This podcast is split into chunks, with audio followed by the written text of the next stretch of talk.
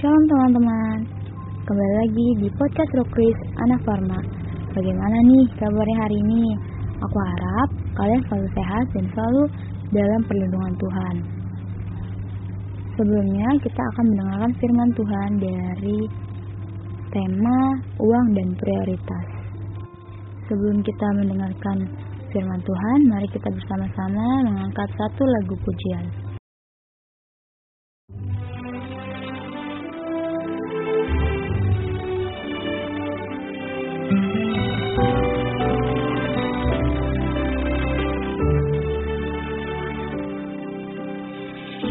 Terbatas kuasamu Tuhan. Semua dapat kau lakukan. Apa yang kelihatan mustahil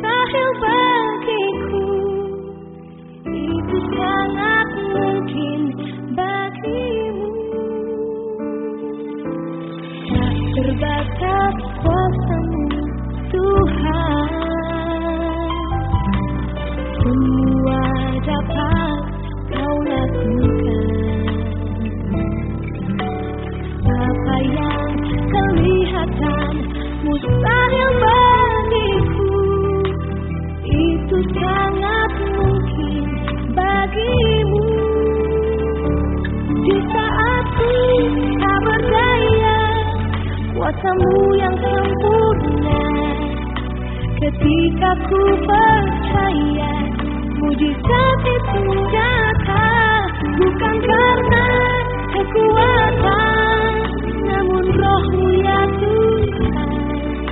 Ketika ku berdoa Mujizat itu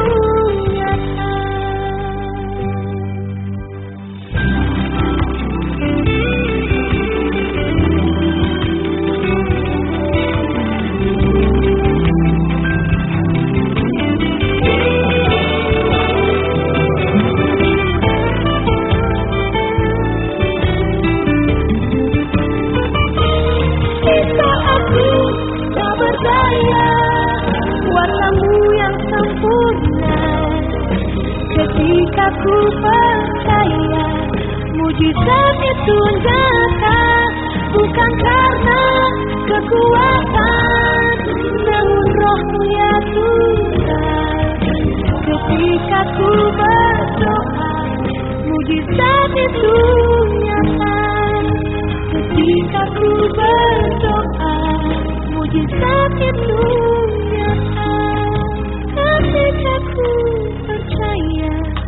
Mujizat itu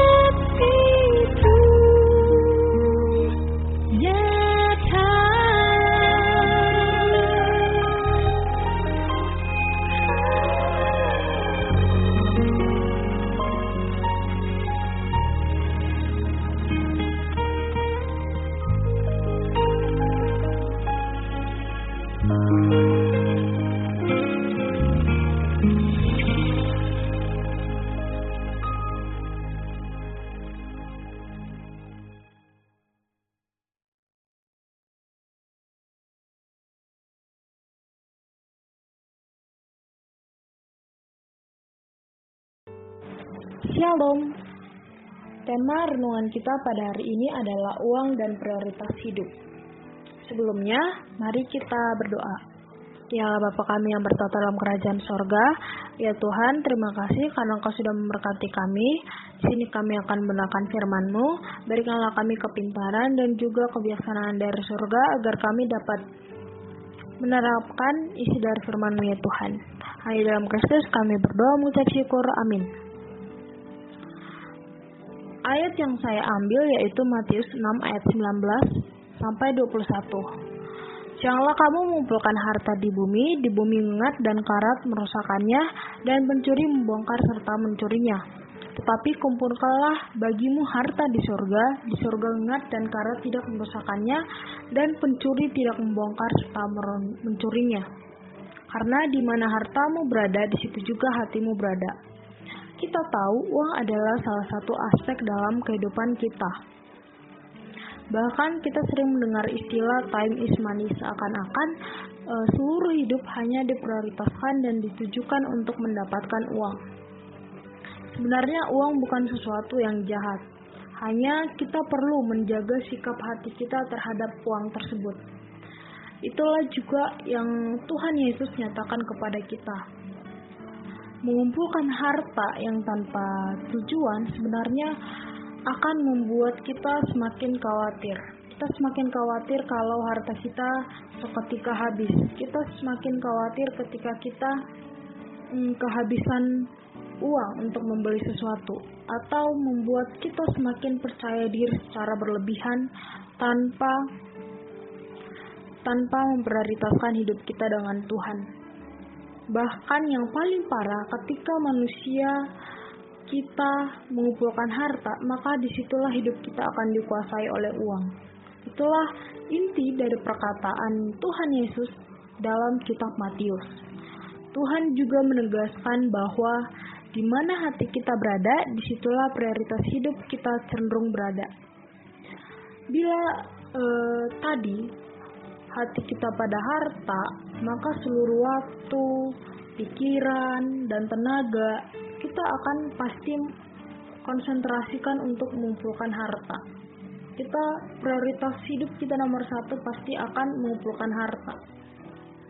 Tuhan Yesus tidak pernah mengecam orang kaya.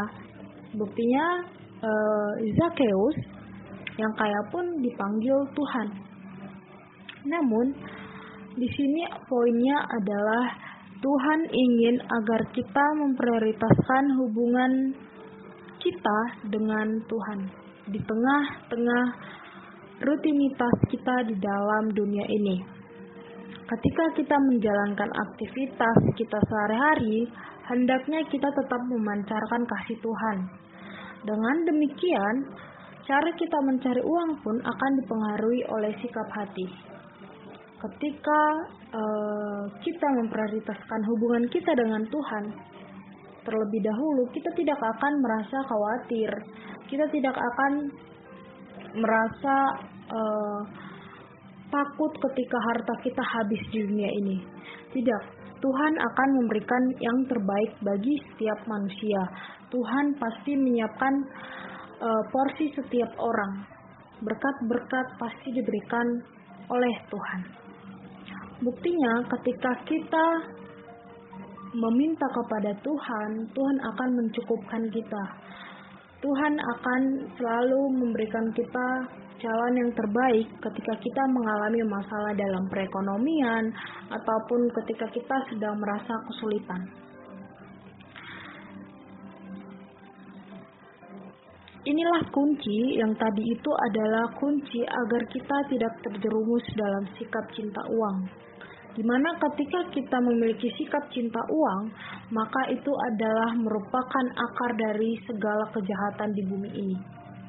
Kita pasti pernah mendengar ketika kejahatan-kejahatan di bumi ini terjadi, itu pasti salah satunya karena uang.